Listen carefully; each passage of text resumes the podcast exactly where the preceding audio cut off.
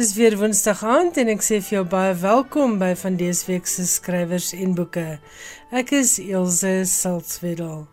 Vanaand se hoofgesprek gaan oor Vrydag aand, 'n bundel liefdesverhale en ek gaan gesels met 'n hele paar skrywers oor hulle bydraes. Dan het Elsje van Jaarsveld vir ons 'n bydrae oor Ratteltaai, 'n biografie oor die oud rugbyspeler Etienne Reyneke. In Johan Meiburg se internasionale boekenuus kan jy meer uitvind oor die letterkunde wenners van vanjaar se Pulitzerpryse. Daar's ook nuus oor 'n boek oor die val van die internet wat oor see die tonge behoorlik laat klap. En dan het Johan Vos nuus uit die internasionale kinderboekwêreld. Ek het ook vir jou nuus oor die kinderliteratuurfees wat hierdie eerskomende naweek in Somerset Wes gehou gaan word. Ek hoop jy geniet die volgende byna 'n uur saam met my en die skrywers wat jou laat lees.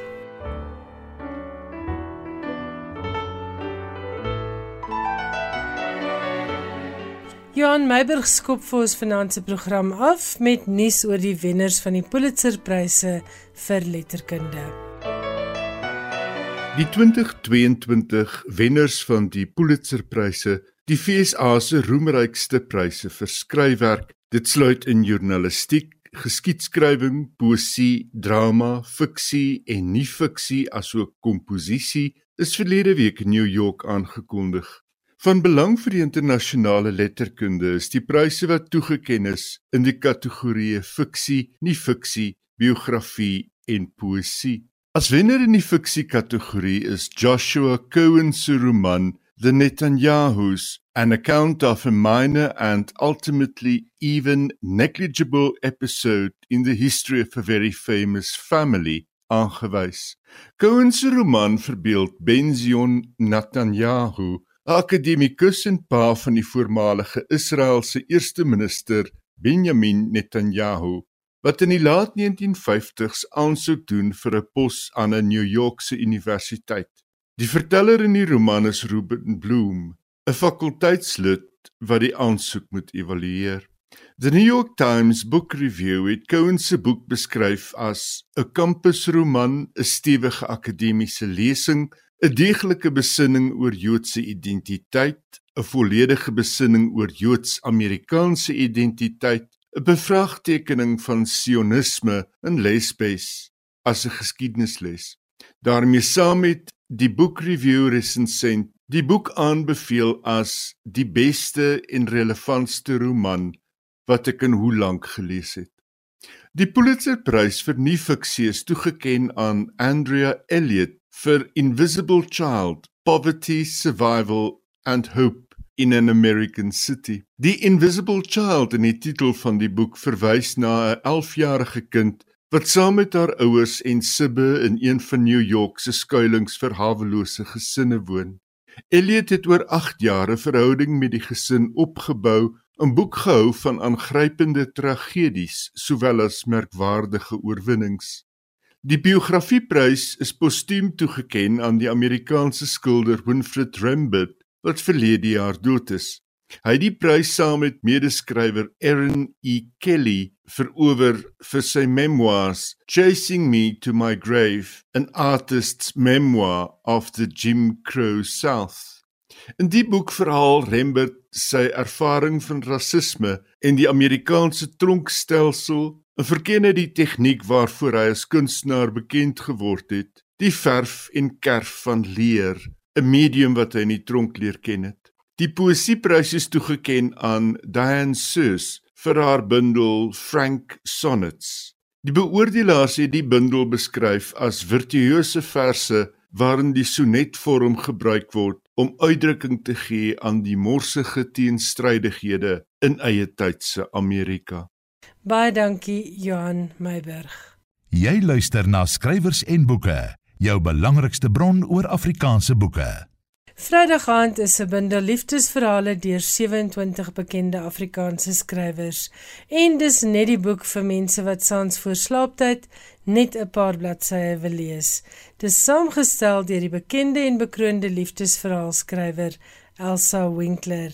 Ek wou by Elsa weet hoe sy te werk gegaan het met die samestelling van die bundel. Ek het begin deur liefdesvraagskrywers wat ek ken te nader en te vra vir stories en uh almal het deur die bank vir my gesê ja, is reg, hulle skryf, selfs die wat nog nooit 'n kort verhaal geskryf het nie. Dit is natuurlik nou ook 'n ander ding om nou skielik 'n kort verhaal te moet skryf as jy gewoond is aan 'n liefdesverhaal. Uh die konvensies is is iets wat anders en jy het ook nou natuurlik baie minder ruimte om het, om jou storie te vertel. Maar ons het pragtige stories gekry. Daar's 'n groot verskeidenheid van stories. Ek dink regtig daar's iets vir almal. Ek het ook 'n paar mans gevra om vir ons te skryf. Ek wou ook vreeslik graag stories hê oor oor die kultuurgrense heen. Uh en ons het pragtige verhale gekry by Clifford D. Norton, by uh, Ansel Coulson en ook uh, Leona uh, Conradi. Uh, dis byvoorbeeld haar debuutverhaal wat in ons uh, bundel is. Sy skryf eintlik gedigte. So ja, ek dink daar's 'n heerlike verskeidenheid uh almal handel oor die onderwerp van liefde. Dis definitief nie almal tipiese liefdesverhale nie, maar daar's definitief iets vir almal en dan ook 'n 'n pragtige verhaal soos soos Nanet van der Rooyen se verhaal wat wat heeltemal iets anders is, maar so so spesiaal. Dit is ongelooflik mooi. Ek wil weer vir almal ook baie dankie sê vir die heerlike samewerking. Also, hoekom dink jy bly liefdesverhale gewild? Ek dink dit is omdat dit gaan oor die liefde, oor die magiese aard van liefde wat mense eenvoudig aangryp. En ek dink veral in hierdie tyd waarin ons lewe met COVID, met al die ellende van ons liewe land en al sy probleme en ook nou nog oorlog boop alles is 'n gelukkige einde, is 'n storie waar liefde sentraal staan. Is stories wat mense aangryp. Dit was deur die eeue heen so van die eerste troubadoure wat deur Europa gereis het en dit sal altyd so wees. Liefde is is dit wat ons beweeg, liefde is dit wat mense baie dinge laat doen en ek dink ons almal word op 'n of ander manier geraak deur so 'n liefdesverhaal. Hoe het julle op die titel Vrydag aand besluit? O, die titel Vrydag aand is Nanet van Rooyen se verhaal. En die eerste keer toe ek dit lees, toe ek nou nogal gedink dis vir my 'n verskriklike mooi titel ook vir die bundel. En dan Nel uh, van Protea Boekhuis het saam met my gestem. Sy het gesê dit gee dit ook behalwe dat dit nou die pragtige verhaal se titel is, het dit ook die konnotasie van 'n bevrydig aand ontspan jy skop jou skoene uit, trek jy glas wyn nader en 'n boek en hierdie wat so lekker is van van van die uh kortverhaalbundel is dat jy kan dit net vinnig een storie lees. Jy weet jy is nie soort van gebind en vasgevang en wil weet wat nou gaan gebeur en jy spandeer 'n hele 2, 3 dae daaraan en jy kan uh soort van binne 'n uh, halfuur uur kan jy een of twee stories lees. En daarmee ons toe nou saam besluit en ens gesaam gestem dat Vrydag aand is is die titel wat ons graag wil gebruik. En so gesels Elsa Winkler. Sy is die samesteller van Vrydag aand. Ansel Coulson het bekendheid verwerf as skrywer van jeugromans en sy het ook twee volwasse romans op haar kerfstok. Sy vertel meer oor haar kortverhaal Anderkant Normaal en vertel ook hoekom sy dink liefdesverhale sal altyd gewilde leesstof bly. Ja, Ilse weer, ek het oor die jare probeer om my hand te waag in 'n verskeidenheid van stories. Ek het 'n paar tydskrifverhale, maar hierdie is my eerste volwasse verhaal wat in 'n bundel opgeneem is, so daarvoor is ek vreeslik dankbaar. My storie Anderkant Normaal het natuurlik so 'n bietjie van 'n twist op die einde, maar ek wil nie veel daaroor weggee nie. In my verhaal wou ek wegbeweeg van die gewone swaar temas of uh, die tipiese Noord-Kaapse verhale wat ek ook graag skryf. My hoofkarakter daar is 'n mechanic. Ek wou so 'n sterk vrou as hoofkarakter hê. Ek sou graag wil weet wat lesers daarvan dink. Mense wil ontvlug en ek dink as lesers wil ons saam met die heldin weer verlief raak, al is dit op die lewe self, weer lief raak vir jouself en net vir daai oomblik terwyl jy lees, ehm um, vergeet van die harde werklikheid daar buite. So al sal my karakters gekonfronteer word met die uiterstes met probleme soos armoede en geldsaake wat nie klop nie en ag 'n klomp moeilike temas. Ek het selfs mos nou al oor seksuele verslawing en mensenhandel geskryf. Selfs dan wil die leser steeds op die einde van die dag voel weer daai euforie van verlief wees en net weer lus wees vir die lewe en ons kan enigiets te bowe kom, enige uitdaging. Baie dankie Ansel Coulson. Nou gaan ek gesels met Kristal Loots, 'n veteraanskrywer wat al meer as 50 gepubliseerde romans en tientalle tydskrifkortverhale op haar kerfstok het. Kristal, wanneer het jy begin skryf en waar kry jy jou inspirasie? Ek het letterlik in die vorige eeu, eintlik die vorige millennium al begin skryf. Dis heelwat jare en heelwat verhale later. Die tydskrifverhale is geskryf tydens onder andere Benny Fritz en Esmy Mitner se tyd. Toe nooi Cecilia Brits my om uitsluitlik liefdesverhale vir die huisgenoot te skryf en later vir Romanza se voorloper en vir Lapa in die algemeen. Nou daar is al baie gesê oor Cecilia, maar sy het my skrywersloopbaan hoofsaaklik gevorm. En ek is baie dank aan haar en ander redakteurs verskuldig. Inspirasie kom soms van teen die plafon vaskyk of wakker lê wanneer jy moet slaap. Dit is vir my te wonderlik dat ons as skrywers 'n gare draadjie kan beetkry en daarin kan trek en torp totdat ons genoeg het om 'n hele storie te spin. Hoekom dink jy bly liefdesverhale gewild En wat is volgens jou die kuns van 'n lekker liefdesverhaal of 'n liefdesroman? Ek dink nie daar is 'n mens op aarde wat nie een of ander tyd 'n liefdesverhaal van 'n aard beleef het nie. Daar is natuurlik die pretbederwers wat waarsku oor die impak wat liefdesverhale op 'n verhouding kan hê wanneer die leser se verwagtinge van die geliefde onrealisties raak liefdesverhale in die werklike lewe is nie feeverhale nie. En gelukkige eindes wat gelukkig bly is nie 'n waarborg nie.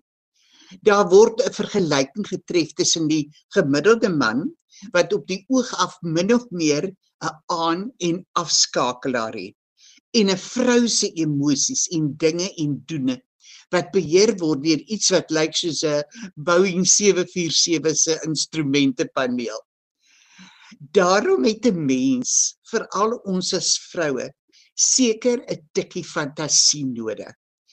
Sodat ons kan bly hoop en glo en droom en fantasieer. Want vroue is glo bevry, maar wat aan Eva toegedig is, bestaan nog maar grootendeels. Na jou man sal jou begeerte wees. Mans beleef ook die liefde, maar hulle is soos bang vir emosie en skop eerder die hond as om uiting te gee daaraan. En lees dan dalk nie so baie liefdesverhale nie. Die kuns lê dalk juis in die balans tussen fantasie en realiteit. Die lewe soos ons dit ken hier op aarde moet verweef wees in die liefdesverhaal. Jou leser moet dus kan identifiseer sonder om die gevoel van behaaglikheid van 'n gelukkige einde te verloor. Daar moet passie wees en ekstase. En 'n tikkie swinging from the chandeliers kan nie kwaad doen nie. En dit was die stem van Kristal Loots. Ek wou by Malien Breitenberg, nog 'n baie ervare liefdesromanskrywer, weet hoe moeilik dit vir haar is om tussen romanskryf en kortverhaalskryf te wissel. Sy vertel ook meer oor haar verhaal in Vrydag aand. Dit speel af in Rusland en handel oor gesteelde identiteit en Malien gaan ook haar mening gee oor die gewildheid van liefdesverhale. Dit is maklik om tussen genres te wissel. Ek het al verskeie kortverhale ook geskryf vir tydskrifte en vir 'n aantal bundels. Ek dink net 'n kortverhaal moet so 'n bietjie van 'n verrassingselement bevat. Ek was al in Rusland. Ons het getoer van Moskou na Sint Petersburg al met die riviere en die mere langs. En Rusland het fabelagtige goed om te sien. In Moskou het ons byvoorbeeld soos in my verhaal uh, na die Kremlin gegaan en die museums daar gesien met die wonderlike skatte. En uh, toe skryf ek nou graag daaroor. Die ding van gesteelde identiteit was nog altyd vir my interessant. Dat mense 'n identiteit kan opmaak op iets soos Facebook en dan plaas hulle 'n vals foto en dan lees mense dit en sien dit en hulle glo dit Want mense glo maklik, jy weet mense word maklik om die bos gelei. Mense hou daarvan om te lees van liefde wat ontluik. En hulle hou daarvan dink ek om hulle self in daardie persoon se posisie te plaas. Die karakters is mos mooi en hulle sê die regte dinge en alles daar hoeveel kinkels in die liefdeskabel die einde is altyd gelukkig so dit is bevredigend en dit is 'n vorm van ontsnapping dit is mos 'n 'n ideale wêreld wat jy skep in 'n liefdesverhaal dankie Malien Breitenberg Volgende aan die beurt is Jaco Jacobs, een van die bekendste Afrikaanse kinder- en jeugboekskrywers. Ek wil by hom weet of liefdesverhale vir hom 'n vreemde genre is. Ja, die vreemde ding is dat my skryfloopbaan in 'n sekere sin begin het met die skryf van liefdesverhale. As 'n uh, skoolseun en jong aspirant skrywer was ek regtig desperaat om te publiseer en basies aan myself te kan bewys dat 'n uh, mens 'n loopbaan kan maak van van hierdie passie wat ek gehad het. So ek het tydskrifverhale begin skryf toe ek hier in standaard 9 matriek was. En ek het baie vinnig uitgevind as jy Afrikaanse tydskrifverhale wil publiseer, dan moet jy maar liefdesverhale skryf. So my eerste verhale is toe reeds in my matriekjaar vir publikasie aanvaar en vreemd genoeg het dit gelei tot my loopbaan in die kinder- en jeugliteratuur. Want een van die verhale redakteurs aan wie ek stories voorgelê het, was die skrywer François Bloemhof wat destyds die verhale redakteur by Sari was. En François het in 'n stadium terwyl ek nog op skool was my gesê hy dink my skryfstyl, my aanslag sal baie goed werk vir kinder- en jeugboeke. En dit was in daardie stadium glad nie iets wat ek oorweeg het nie, maar ek het toe uh teruggegaan biblioteek toe 'n klomp kinder- en jeugboeke gelees en ek het op die einde my hand aan 'n tienerboek gewaag en die oomblik toe ek in daardie genre begin skryf, het ek besef dis die genre waarna ek tuis is. Dis wat ek regtig graag wil skryf. my verhaal in Vrydag aand was vroeër 'n tydskrifverhaal wat in uh die destydse vroue keer verskyn het 'n opdragwerk van die verhale redakteur daarso. So nee ek is glad nie vreemd uh met die genre van liefdesverhale nie. En so gesels Jaco Jacobs. Ek wou by Didi Potgieter nog 'n baie gewilde liefdesverhaal skrywer weet. Hoekom sy juis oor die liefde skryf en waaraan sy liefdesverhale se gewildheid toeskryf en dan natuurlik ook waar sy haar inspirasie kry. Ek skryf liefde omdat ek liefde lees. Dit is vir my goed voel, lekker lees leesmateriaal. So dit is hoekom ek dit skryf. Party mense sê altyd dat ja, liefdesverhale het so voorspelbare einde, maar ek dink dis juis wat die genre so gewild maak onder lesers. Ons lewe in onsekere tye En regdeur geskiedenis in onsekere tye het liefdesverhale se populariteit net geklim. En is juis die voorspelbare gelukkige einde en ja, die feit dat dit mense reg goed laat voel. Ek kry my inspirasie oral om my. Maar soos met enige ander genre en enige ander skryfwerk of enige ander kreatiewe vorm van jouself uitdruk, is inspirasie maar 'n baie klein deeltjie en is die harde werk eintlik die moeilike deel en baie maal tydens die harde grind van die een boek kom ek reeds op 'n idee vir die volgende een. Baie dankie Didi Potgieter.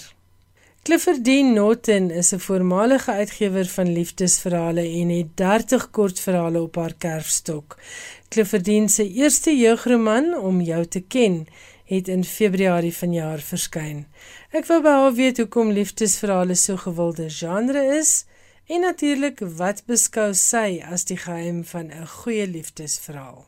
Ek het begin uh deur by Lappa Uitgewers as 'n liefdesverhaal uitgewer te werk. Ek dink liefdesverhale kan ons sê by die die, die toets van tyd weer staan. En 'n sekere sin as jy dink dit begin grootliks by Jane Austen se Pride and Prejudice en dat dit vandag nog die genre is wat die meeste boeke verkoop. Ek dink liefdesverhale is geweld omdat dit is nommer 1 'n versekerde gelukkige einde.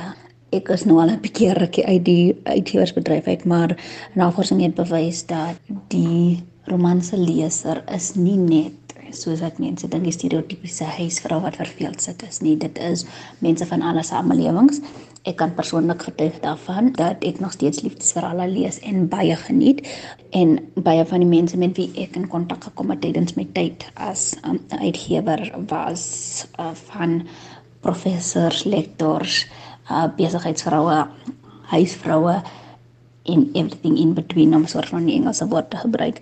En hulle lees uh vir die gewaarworde gelukkige einde. Die lewe is baie keer onseker. Romanses bied jou en liefdesverhale bied jou in 'n sekere sin 'n ontvlugting uit die werklikheid uit. Jy kan vir 'n tyd weggaan en wegvlug en as jy terugkom as jy soort van jy dit soort van genesing gaan kry en ek dink die rede hoekom dit nog steeds so populêr is is van ons is in die era van selfsorg waar mense vir eerste keer is, is ek het dit nodig om te funksioneer as mens en ek gaan dit vat. Lees en veral lees van liefdesverhale is die heel waarskynlik die oudste vorm van selfsorg dit is vir vroumense om te gaan in 'n wêreld wat nie perfek is nie, maar baie beter as as die een waar hulle dans is. Dit is ontvlugting vir hulle. Hulle is op gelyke voet met die held en alhoewel hulle al daardie selfde probleme en uitdagings ervaar wat hulle in die werklike lewe ervaar, oorwin die helden daardie uitdagings en ek dink dit is die die, die kruks van goeie liefdesverhale en dis hoekom hulle altyd wen. 'n Goeie liefdesverhaal staan vir my basies op as sal ek sê drie pilare: goeie karakterisering, sterk innerlike konflik en dan uiterlike konflik wat gedryf word deur innerlike konflik. En uh, wat ek hiermee bedoel is is karakters is natuurlik een ding as 'n mens nie kan vir ten minste verstaan wat die motivering van mense is nie dan kan jy hulle nie ondersteun nie. En dan innerlike konflik is daardie demone wat ons self weet bestaan en wat ons soms nie antwoorde wil gee nie. Uh dit is onsekerheid, dit is vrees vir rejection, dit is vrees dat jy nie liefdevol of geliefd kan wees nie.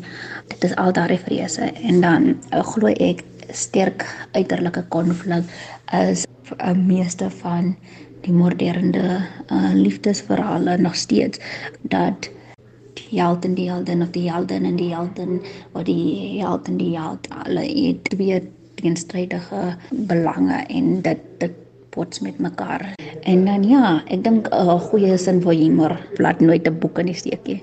Dit was Clifford Dean Norton. Gerrit Rautenbach is eintlik bekend as 'n reisskrywer, maar hy het ook 'n liefdesverhaal bygedra tot Vrydag aand. Ek wil by hom weet hoe verskil liefdesverhaal skryf van die skryf van reisverhale en waaroor sy verhaal in Vrydag aand gaan. Reis en die liefde loop hand aan hand. Die twee kan nie geskei word nie. Ongeag van watter soort liefde jy praat, 'n liefdesverhouding tussen twee mense is mos 'n pad wat hulle saamloop, 'n reis. 'n liefde vir die natuur, laat jou reis deur die natuur. Die lewe is 'n reis, die lewe is liefde. In sy gedig Die reis stel Breiten Breitenbach dit perfek reg. Die liefde is 'n reis en jy altyd dieper, die hart van bestemming. My verhaal was reeds geskryf. As ek 'n opdrag oor die liefde moes skryf, sou dit maar swaar gegaan het. Om vernuwende liefdesverhale te skryf, sit nie in enigiemand se pen nie. Ek het respek. Ek dink meeste liefdesverhale begin in die hede en stap dan in die toekoms in. My storie begin in die hede. Maar dan loop ek terug tot my eerste keus. Maar eintlik is die storie in die nou ook. Dit gaan oor my interaksie met die vrou vandag in die huis waarin ek groot geword het. Soort van 'n back to the future. En daardie stem behoort aan Gerrit Rautenbach. Ek wou by DB Breitenberg, bekend vir haar naalbyt spanningsromans en misdaadverhale, weet of dit maklik of moeilik was vir haar om 'n liefdesverhaal te skryf. DB vertel ook meer oor die inspirasie vir haar verhaal Hartsig. O, jene nee, dit is glad nie maklik om 'n liefdesverhaal te skryf nie. Ek het regtig gesukkel daarmee. Ek haal my hoed af vir mense soos Elsa en Sofia Kap mense wat dit so maklik laat lyk om liefdesverhale te skryf. Vir my was dit 'n ongelooflike uitdaging. Dit is seker die kort verhaal wat ek nog die meeste in my lewe oorgeskryf het en weer oorgeskryf het en weer oorgeskryf het want dit het net my die hele tyd gevoel, "Sjoe, mens mis daai sweet spot waar jy twee mense laat verlief raak sonder om smaltsie te klink." Nee, dit was regtig waar vir my moeilik. Ek is 'n groot aanhanger van ou Henry, die Amerikaanse skrywer, bekende Amerikaanse skrywer en hy het my een van my gunsteling kortverhale van alle tye geskryf met die naam van The Gift of the Magi wat gegaan het oor die jong getroude paartjie wat baie arm was en wat vir mekaar Kersgeskenke wou gee. Nou die jong man was baie trots op sy horlosie, maar hy het nie 'n horlosieketting gehad nie en die jong meisie het verskriklike mooi hare gehad waarop sy baie trots was en hy wou toe nou vir haar haarkamme gee vir Kersfees en sy wou vir hom 'n uh, 'n uh, horlosieketting gee. Dit dat sny sy alle hare af om die horlosie bandketting te laat maak en hy verkoop sy horlosie om vir haar die haarkamme te koop. Hartsig is min of meer dieselfde tipe inslag. Dit speel af van 'n koffiewinkel. Ek is 'n ywerige mense dophouer veral in openbare ruimtes en ehm um, alhoewel die inhoud van hartsig heeltemal fiktief is, dit is fiksie. Is dit tog tot 'n mate geskoei op interaksie wat ek al gesien het in koffiewinkels? Mense wonder tog maar wat gebeur daar. Mense hou maar die die die gesprekke tussen mense dop en die interaksie tussen mense dop dan natuurlik ook uh, verwysing na Jean Express se klein prinsie waar daar 'n opmerking is oor net dit wat jy kan sien met die hart is werklik die moeite werd om te sien. Dit is min of meer waarop dit neerkom. Dit is maar min of meer die inspirasie vir hartse gewees. Baie dankie DB Breitenberg Ek is Ilse Salzwedel. Jy luister na skrywers en boeke en nou gaan ons hierdie bydra oor Vrydag aand afsluit met Nanet van Rooyen. Sy gaan gesels oor die inspirasie vir haar verhaal en ook vir ons 'n stukkie voorlees uit haar verhaal Vrydag aand. Ek is eintlik nie 'n baie bedrewe skrywer van die liefdesverhaal nie. Ek begin altyd met met 'n baie goeie voorneme en voor ek my kan kry, dan draai die storie van staltig of dit raak spooky So ek is baie dankbaar dat Vrydag aand opgeneem is in 'n bundel. Die die liefde tussen die ouer mense was dink ek heel onskuldig geweest. Die inspirasie vir Vrydag aand het ek uh, gevind in huis wat ons Fresnay gewoon het. Daar het 'n ou Mr Suiker gewoon en hy het daar afgesterf en ek het mettertyd te hore gekom van hom en sy buurvrou, 'n Switserse vrou wat agter hom gebly het elke. En hulle het hierdie wonderlike liefdesritueel gehad waar hulle elke Vrydag aand hulle sorg en liefde vir mekaar gedeel het met musiek en met kos.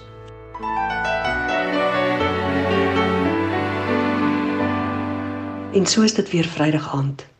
Switser se elke met die blonde bolla wat rafelrig en onnuit uit die haarnaalde uittorring, lui die voorklokkie.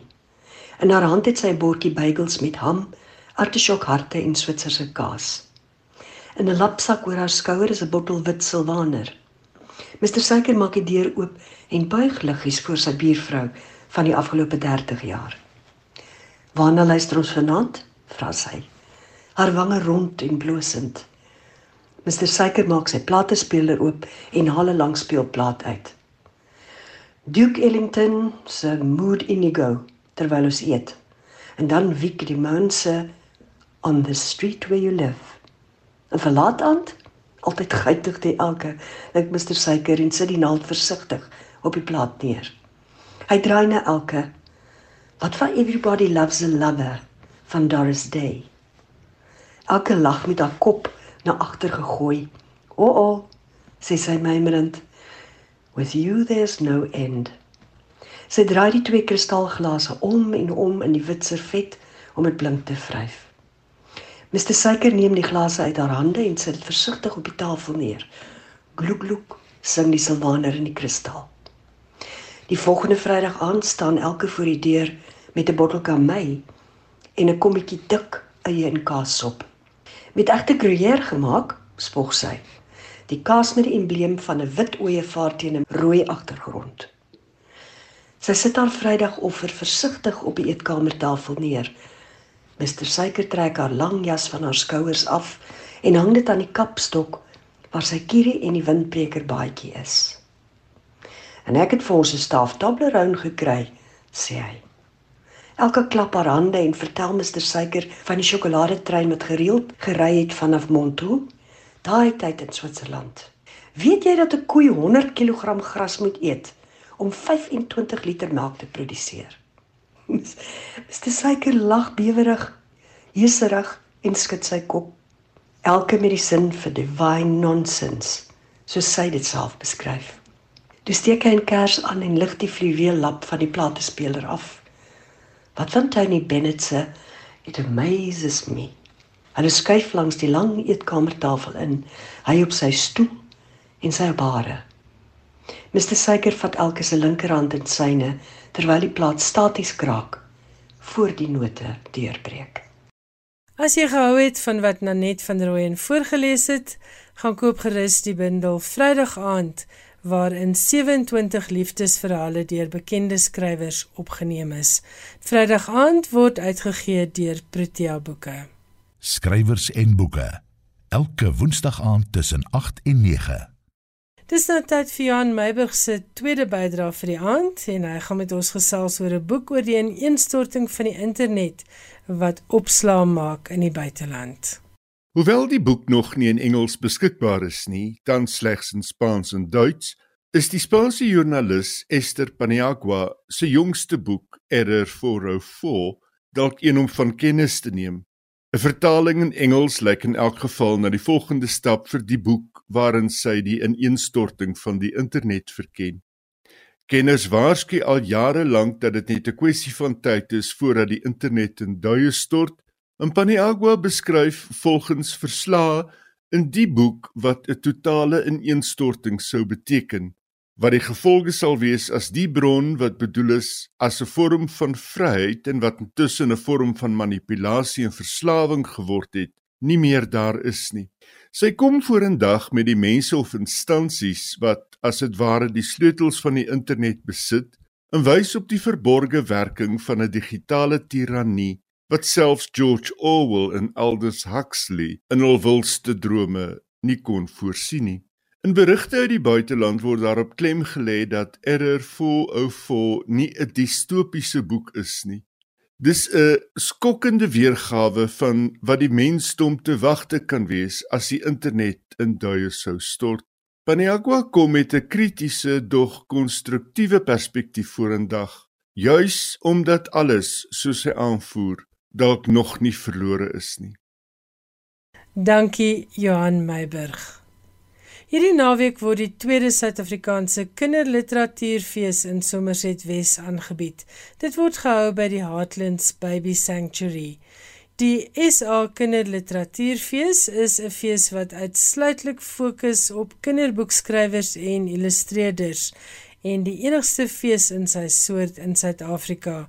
Dis ook die grootste kinderliteratuurfees in Afrika. Die programsamesteller Dr Mia Oosthuizen vertel meer oor hierdie fees. Dit is vir ons belangrik om 'n fees te skep waar ons land se groot aanbod kinder- en jeugboeke erkenning kry, die skrywers en illustreerders vereer word en die vergrootglas geplaas word op lees en geletterdheid. Vanjaar se program is saamgestel met die fokus op diversiteit en veeltaligheid. Hiernaas wil ons ook baie graag 'n geleentheid skep waar die hele gesin en alle belangstellendes na toe kan kom. Om hierdie rede is ons program tweeledig. Die literêre program spog met 90 skrywers en illustreerders en onderhoude vind omtrent elke 20 minute plaas. Die program spog ook met groot en bekende name soos Fanie Viljoen, Ansel Coulson, Hannes Barnard, Lurato Trok en Zelda Besaidenout. As ook debutante en dalk minder bekende skrywers soos Clifford D. Norton, Leon Ben Lamprecht en Sandile Ngwenya. Enkele onderhoude sal via Zoom geskied, maar ons is vreeslik bly dat bykans alle skrywers en illustreerders self by die fees gaan wees. Een van die instellings van die fees is om jaarliks skrywers en illustreerders te vereer wat 'n lewenslange bydrae gelewer het tot kinder- en jeugliteratuur. Laas jaar is Nikki Daly, Philip de Vos, Sindiwe Magona en Justina Mshlope vereer. Vanjaar se wenners is Marita van der Vyver, Marjorie van Heerden, Marguerite Poland en Wyle Chris van Wyk. Na die literêre feesprogram is daar natuurlik ook 'n program vir die kinders of dalk kan ek sê hoope vermaak vir die kinders, van springkastele en gesigverf en spel met klei tot voorlesings en storievertellings. Die fees bied 'n unieke uitstapie vir die hele gesin, alles gesentreer rondom die wonder van stories en boeke. Bargain Books Willow Bridge behartig alle boekverkope en die skrywers en illustreerders is reg om handtekeninge uit te deel. Kaartjies kos R50 'n dag en kan by die deure of op Quicket gekoop word. Kinders onder 12 kry gratis toegang, maar moet natuurlik deur 'n ouer of 'n voog vergesel word. En die kaartjies kan ook op Quicket gekoop word om die fees aanlyn te kyk vir diegene wat nie self sommer uit Wes toe kan kom nie. Hierdie kaartjies kos ook R50 'n dag. Die opbrengs van verjaar se fees word aan die Heartlands Baby Sanctuary geskenk sodat hulle kan volhard met hulle ongelooflike werk vir kinders in nood. Dit was Dr Mia Oosthuizen, programsamesteller van die SA Kinderliteratuurfees wat eerskomende naweek by die Heartlands Baby Sanctuary in Somerset Wes gehou word. Rateltaai is die inspirerende ware verhaal van die oud rugbyspeler Etienne Reyneke. Kollega Elsje van Jaarsveld het gesels met die skrywer van Rateltaai, Tinus van Staden. Die verhaal van Etienne Reyneke, oud rugbyspeler se verhaal kenmerkend aan die spreekwoordelike val en opstaan. Na 'n ryke rugbyloopbaan het die een tragedie na die ander hom getref. Sportjoernalis Tinus van Staden vertel sy verhaal in 'n boek Ratel Taai en ek gesels nou met Tinus. Tinus, baie welkom by Skrywers en Boeke. Baie dankie. Hoekom het jy besluit om hierdie boek te skryf? Dit is so 'n ongelooflike storie. Ek bedoel dit is iemand wat in 1 jaar 3 keer amper dood is en skaars 2 jaar later het hy weer opgestaan van die kruitvloer af, as mense dit nou so kan stel en die uh amateur kampioenskap in die ligswaargewig afdeling van um gemengde geveskuns gewen. Dit is 'n ongelooflike gevaarlike sport is. Uh, so daar's baie baie lesse daar uit te leer, daar's inspirasie daar uit te put. So ja, dit was 'n ongelooflike storie wat ek gevoel het moet vertel word. Kan jy vinnig vir ons vertel wat het alles met Etienne gebeur? So in Januarie van 2018 het hy het, het sy milt gebars en hy was gelank in die in die hospitaal gewees um baie siek gewees, hy het amper dit nie gemaak nie. Toe hy wel daardeur gekom en hy het weer 'n bietjie uh out op die rugby gespeel, legends rugby gespeel, um weer bietjie begin oefen en so en toe in Augustus van daardie jaar het hy 'n skemiese beroerte gehad wat sy spraak verskriklik aangetast het. Hy was vir lank in 'n koma gewees. Weer eens het die dokters gedink hy gaan dit nie maak nie. Ehm um, in dieselfde tydperk het hy is hy deur 'n egskeiding, sy sy geliefde kinders het Durban toe getrek terwyl hy nog in Johannesburg gewoon het. Ehm um, so hy het was vir hom na na sy beroerte was dit vir hom twee baie erge maande om nou weer gewoon te raak aan alles. Ehm um, hy kon nie praat nie soos ek genoem het, so hy moes leer om woorde te vind. Hy het baie interessante en unieke maniere gekry om die regte woorde te kry en net het, net het dit nou 'n bietjie beter begin gaan in Desember van daardie jaar het hy was hy by hy by 'n winkelsentrum ingeloop en daar was 'n rooftog en omdat hy altyd 'n held is of altyd nooit 'n tekort aan dapperheid het nie het hy probeer om te help. En um die gevolg was dat hy wel skrams maar is hy's in die kop getref deur 'n deur 'n deur 'n koel. So, so ja, dit is in 'n netedop wat wat alles met ons gebeur het daardie jaar. En toe aan die begin van 2020 het hy die die um, amateur titel in die in die ligswaar gewig um, afdeling van gemengde vegskuns in Suid-Afrika gewen. Maar Etienne het sy inkomste verdien uit sportkommentatorwerk. En na die beroerte kon hy nog steeds voortgaan met hierdie werk? Nee, glad nie. Hy ehm um, hy het gesukkel om te praat, so hy hy kon nie woorde hy hy sê dit is asof daar iets in sy brein is wat daar's daar's 'n koneksie wat net nie daar is nie. So hy hy sien hy sien 'n woord voor hom in sy geestesoog, maar hy kry net nie daai woord gevind om dit te kan sê nie. So ehm um, hy kon hy kon nie meer kommentaar lewer op supersport nie. Dit was dit, dit was vir hom 'n groot passie geweest. Hy was baie lief daarvoor. Hy hy het dit gesien as 'n taak amper om terwyl hy kommentaar lewer om om op te voed amper. Ehm um, vir jong vir jong kinders wat luister, jong rugby spelers wat graag bietjie meer wil weet. Ehm um, so dit was vir hom baie moeilik geweest en hy het uit regtig baie hard probeer en en die mense het hom by Supersport het hom baie goed bygestaan. Ehm um, en daar's nog steeds 'n kans. Hy hoop dat hy dat hy dit weer sou kan doen, maar maar ja, sedertdien kon hy dit nog nie doen nie. Is daar wel 'n oomblik waar hy baie neerslagtig was na al die tragedies? Hoe het hy dit reg gekry om so vinnig weer op te staan?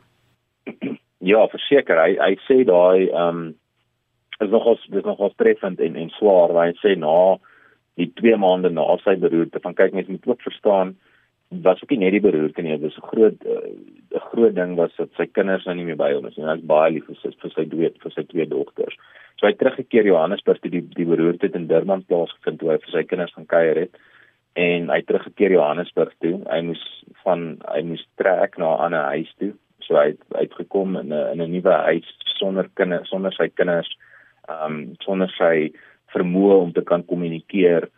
Ehm um, hy sê het soos 'n pampoen gevoel. Hy, hy hy kon niks doen nie. Hy kon niks vir homself doen en hy's alleen. Hy hy hy sê ehm um, in daai twee maande het hy begin besef waar waar hoe mense soms selfdood begin oorweeg. Dit was vir hom baie baie swaar geweest.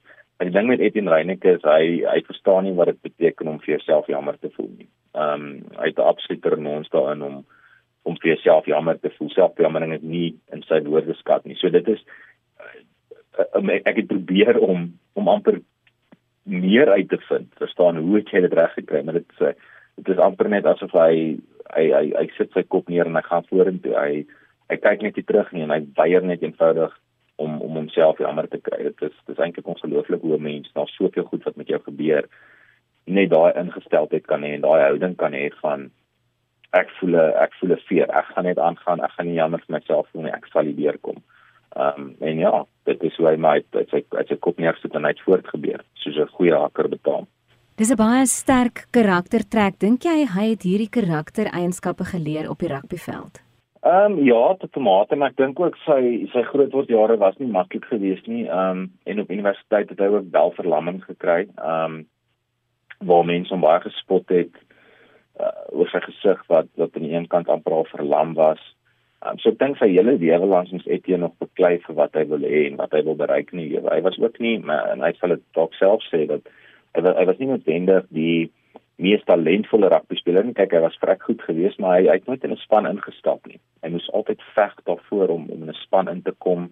Ehm um, hy het op 'n beurs gestudeer, so hy moes hy moes hard werk. Niks het vir hom maklik gekom in die lewe. Niks het verniet vir hom gekom nie. So sy hele lewe lank moes hy nog veg vir wat hy wil hê en hard werk. Ehm um, en ek dink dit is dit is dit gaan albei kante toe. Dit het hom ook 'n goeie rugby speler gemaak en dan hy ook op die rugbyveld verdere lesse geleer wat hom in die lewe gebaat het.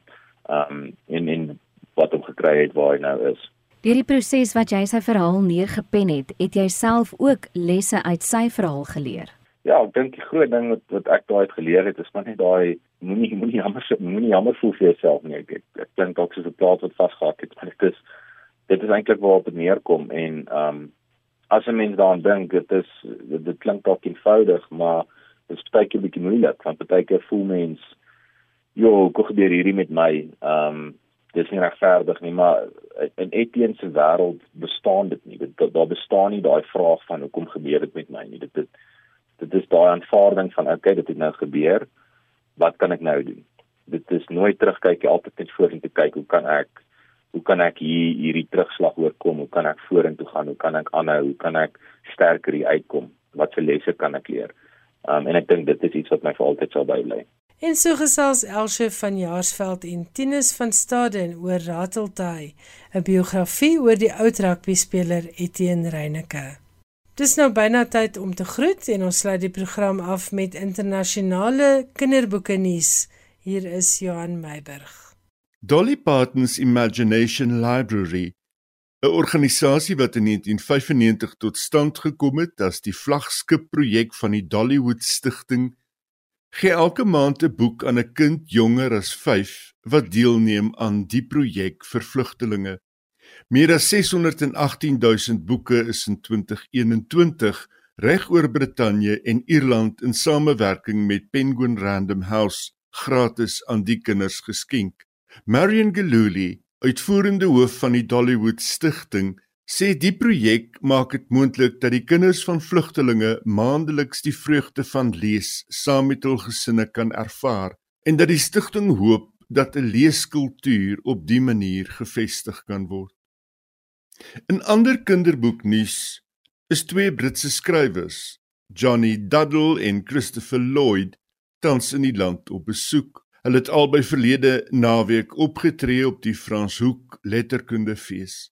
Johnny Duddle is die skrywer van The Pirate Cruncher, The Pirates of Scurvy Sands, The Pirates Next Door en Gigantosaurus and the King of Space. Sy The Pirates Next Door het in 2012 die Waterstones Prys verower en was op die kortlys van die Roald Dahl Funny Prys. Christopher Lloyd is die skrywer van die verhaal van lewe op die planeet Absolutely Everything waarin hy 13,8 miljard jaar in een storie vervat. Hy's ook die skrywer van Britannicus Children's Family Quiz. Sy jongste boek is 'n boek vir kinders oor klimaatsverandering. It's up to us. Hier is Lloyd aan die woord in die John Mackintosh Hall in Gibraltar waar Ross Astengu hom uitgevra het oor sy skryfwerk. Today you've been talking about your new book It's Up to Us. Let me just ask you, how do you go about uh, condensing and simplifying such a complex subject to young children without frightening them because climate change is actually quite a scary subject. Yeah, it's a really good point. Well, the first thing is, and I try and do this in all my books, is I try to zoom out so they can see the big picture. And actually, young people are very capable of understanding complex things. Uh, often, adults think, oh, this is too complicated, and then they try and patronize to young people and try and make it really simple or whatever. But actually, we need to speak to young people in a natural way, and that is done through pictures as much as words. So, this is a picture book with 33 artists from all over the world, and it tells the story of nature, and then we see how nature works when it's in balance, and then we see the problem of what people have done to nature. And you can see these children here, and in the background is some pollution in the air, and explain how by making so many things and by farming in the way we do, we've created all this pollution that puts the carbon dioxide in the air that makes the world hotter. And the carbon dioxide is like a blanket, uh, and it comes from burning fossil fuels. And nature normally puts all that carbon dioxide back into the ground as coal and oil, and we've been pumping it back into the air with our power stations and our cars. And when you explain it like this, it's really easy for the children to understand that we actually have to live our lives in a different way. So that the last part of the book, inspired by the Prince of Wales, Prince Charles, is a set of new promises, Terra Carta, promises to the planet to live nat- our lives differently and put nature first. So, like using solar panels and renewable energy and labeling our, our products so we know how much carbon dioxide is being put into the air and restoring wetlands to their, their glory as places as a refuge for nature. And if we do these things, then maybe it isn't too late. And if young people can tell this to their parents and grandparents, then they can become the agents of change, which is why it's called It's Up to Us. You've been doing these talks to young audiences for many years now, but are you finding children more engaged these days? And how did you find today's audience? incredibly engaged. And of course, this is exciting. This is where the hope comes from because, of course, they've got the most to gain and the most to lose. So, you know, they want to have a world that's fit for the future more than any of us do, in a way. So, by engaging and empowering them to be part of this conversation, by asking them and reaching out to them to talk to the parents in their lives and their grandparents about the issues of climate change, then we can work together as a team, which is another one of these pledges to help solve the problems.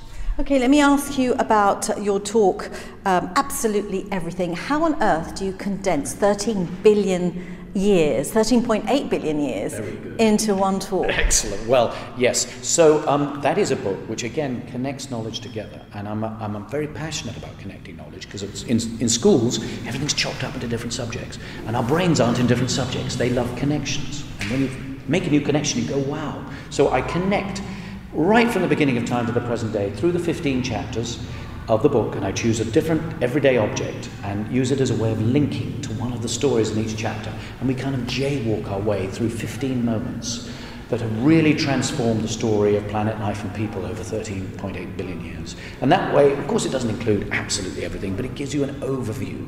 It gives you a way of seeing how everything's connected so that when you discover something you knew, something new, you know where it goes and you can help become your own kind of self learning system.